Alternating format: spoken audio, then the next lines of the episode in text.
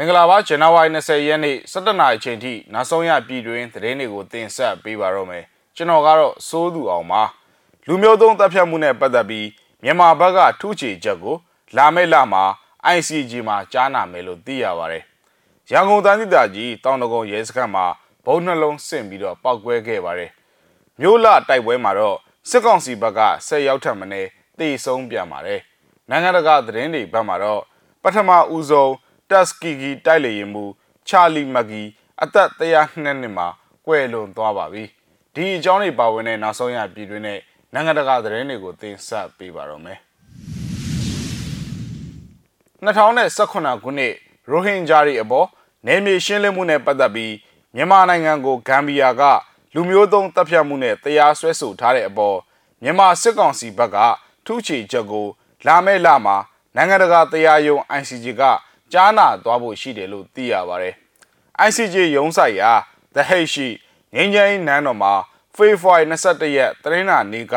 ဖေဖော်ဝါရီ28ရက်နေ့တနင်္လာနေ့အထိမြန်မာဘက်ကထူးခြားချက်ကိုကြားနာသွားမှာဖြစ်ကြောင်း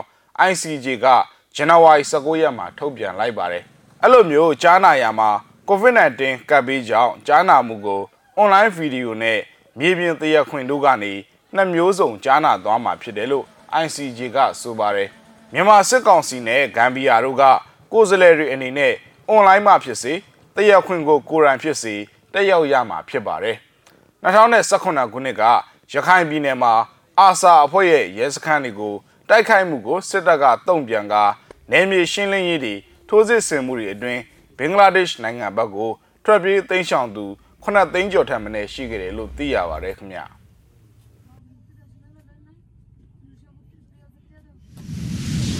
ရန်ကုန်တိုင်းဒေသကြီးဒဂုံမြို့သစ်တောင်ပိုင်းမြို့နယ်ရဲစခန်းမှာမနေ့ညပိုင်းကဘုံနှလုံးဆင့်ပောက်ကွဲခဲ့ပြီးနောက်အရေးပေါ်လူနာတင်ကားတွေဝင်ရောက်သွားကြောင်းဒေသခံတွေကပြောပါတယ်။ဇန်နဝါရီ19ရက်နေ့ည9:00နာရီဝန်းကျင်မှာဒဂုံမြို့သစ်တောင်ပိုင်းမြို့နယ်ရဲစခန်းမှာဘုံနှလုံးဆင့်ပောက်ခဲ့တာလို့သိရပါတယ်။အရေးပေါ်ကားတွေချက်ချင်းရောက်လာတာကြောင့်အထီးအခိုက်တိတ်ဆုံးမှုတွေရှိနိုင်ကြောင်းဒေသခံတယောက်ကလည်းခေတ်သစ်မီဒီယာကိုပြောပါတယ်။အလားတူပဲဇန်နဝါရီ19ရက်နေ့ မနက်10:00နာရီဝန်းကျင်ကလည်းမြောက်ကလာပါမြို့နယ်ဝေဘာဂီလမ်းပေါ်မှာရှိတဲ့အုတ်ချုပ်ရေးမှုရုံးတစ်ခုရှိမှာဘုံပေါက်ကွဲမှုဖြစ်ခဲ့ပါသေးတယ်။ပေါက်ကွဲမှုကြောင့်အထီးအခိုက်အတိအကျကိုတော့မသိရသေးပါဘူး။ဒါအပြင်မှာပေါက်ကွဲမှုဖြစ်ပွားရာနားတွေမှာအကြမ်းဖက်စစ်ကောင်စီတပ်တွေက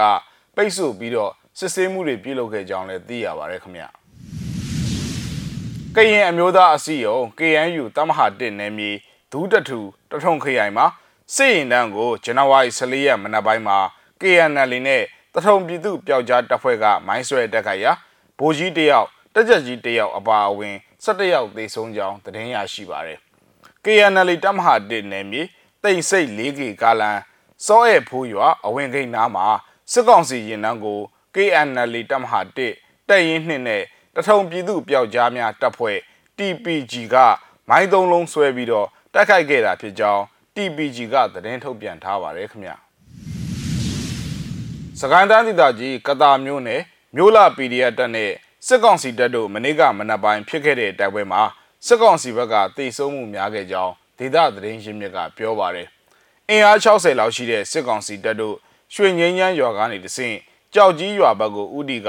ခြေလင်းစစ်ကြောင်းထုတ်ခဲ့စဉ်လွန်ရားဒေသအနီးမြို့လာ PDF တပ်ကဗိုလ်မိုးကျူးဦးဆောင်တဲ့တပ်ဖွဲ့က မိုင်း16လုံးနဲ့မိုင်းဆွဲတက်ခိုက်ခဲ့က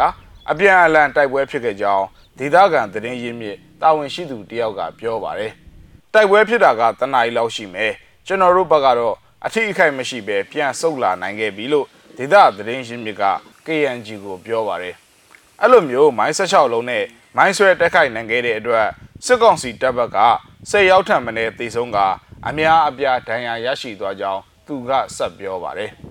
ကတာမျိုးနယ်တွင်းမှာရှိတဲ့အခုရက်ပိုင်းနှစ်ဖက်တိုက်ပွဲတွေပြင်းထန်လာတာနဲ့အမျှဇန်နဝါရီ18ရက်နေ့ကလည်းကတာနဲ့မကြီးကုန်းကျွာနာမှာမျိုးလာ PDF KNA ပူးပေါင်းတပ်တွေနဲ့စစ်ကောင်စီတပ်တို့ထိတွေ့တိုက်ပွဲဖြစ်ခဲ့ပြီးစစ်ကောင်စီဘက်က15ရောက်ထက်မနည်းတေဆုံးကြောင်းမျိုးလာ PDF က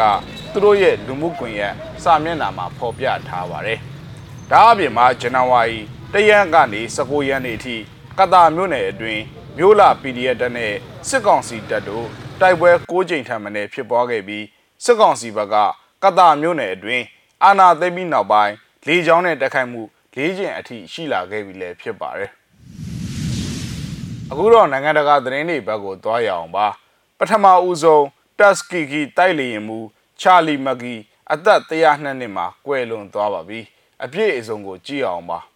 တက်စကီဂျီအဲမန်လို့လူသိများတဲ့ All Black ပြန်တမ်းရေးတပ်ဖွဲ့ရဲ့သူရဲကောင်းအဖွဲ့ဝင်တူဖြစ်လာချိန်မှာစစ်ဖက်ဆိုင်ရာလူမျိုးရေးခွဲခြားမှုနဲ့ရင်ဆိုင်ခဲ့ရတဲ့ American တိုက်လေယာဉ်မှူး Charlie Maggie ဟာအသက်102နှစ်အရွယ် January လ16ရက်တနင်္ဂနွေနေ့မှာကွယ်လွန်အနိစ္စရောက်ခဲ့ပြီလို့တေဝန်ထုတ်ပြန်ချက်များအရသိရှိရပါတယ်။ဒီကနေ့မှာ American ရဲ့သူရဲကောင်းတူဆုံးရှုံးလိုက်ရပါတယ်လို့ပန်တဂွန်စစ်ဌာနချုပ်ကိုဦးဆောင်ခဲ့တဲ့ပထမဆုံး African American တူဖြစ်သူကာကွယ်ရေးဝန်ကြီး Lloyd Austin ကပြောကြားလိုက်ပြီးကြော်ကြားတဲ့စစ်စင်ရေးရဲ့နောက်ဆုံးကြံရည်သူအဖွဲ့ဝင်တွေကတူဖြစ်တဲ့လေရင်မှုအကြောင်းကို၎င်းရဲ့ Twitter ကနေဖွင့်ဟချီးကျူးခဲ့ပါတယ်။သူ့ကိုဆုံးရှုံးလိုက်ရလို့စိတ်မကောင်းဖြစ်မိပေမဲ့သူ့ရဲ့စွန့်လွတ်စွန့်စားမှုပေးဆက်မှုနဲ့ကိုကျင့်သိက္ခာအတွက်ကျွန်တော်မယုံနိုင်လောက်အောင်ကိုကျေးဇူးတင်မိပါတယ်လို့အော်စတင်ကထပ်လောင်းပြောကြားခဲ့ပြီးအေးချမ်းပါစေဗိုလ်ချုပ်လို့နှုတ်ဆက်ဂါရဝပြုခဲ့ပါတယ်။ မက်ဂီဟာဒုတိယကမ္ဘာစစ်အတွင်းတာဝန်ထမ်းဆောင်ခဲ့ပြီးကိုရီးယားနဲ့ဗီယက်နမ်တို့ကပဋိပက္ခတွေအပါအဝင်စုစုပေါင်းမစ်ရှင်400ကျော်ကိုပြန်တန်းခဲ့ပါတယ်။ဒုတိယကမ္ဘာစစ်အတွင်းကအမေရိကန်တပ်များအတွင်းလေ့ကျင့်ရေးနဲ့စစ်ဘက်ဆိုင်ရာခန်းစား권များကိုလူမျိုးအလိုက်ခွဲခြားထားပါတယ်။ 1942ခုနှစ်မှာကွန်ဂရက်လွှတ်တော်မှကြီးတက်တဲ့လေတပ်တွေမှာလူမဲတိုက်ခိုက်ရေးယူနစ်တစ်ခုစတင်ဖို့အမိန့်ပေးခဲ့ပြီးလူမဲလေယာဉ်မှုများနဲ့စက်ပြင်တင်တန်းများကိုအလဘားမားနိုင်ငံတက်စကီဂီရှိလေတပ်စခန်းအသစ်မှာစတင်ခဲ့ပါတယ်။မက်ဂီကယူနစ်ရဲ့အောင်မြင်မှုများအပေါ်ဂုဏ်ယူကြောင်းနဲ့ဆယ်စုနှစ်များစွာကြာပြီးနောက်အမေရိကန်စစ်တပ်မှအပြည့်အဝပေါင်းစည်းရေးအတွက် လန်ကင်ပေးနိုင်ခဲ့ကြောင်းဆိုပါတယ်။ပြီးခဲ့တဲ့လက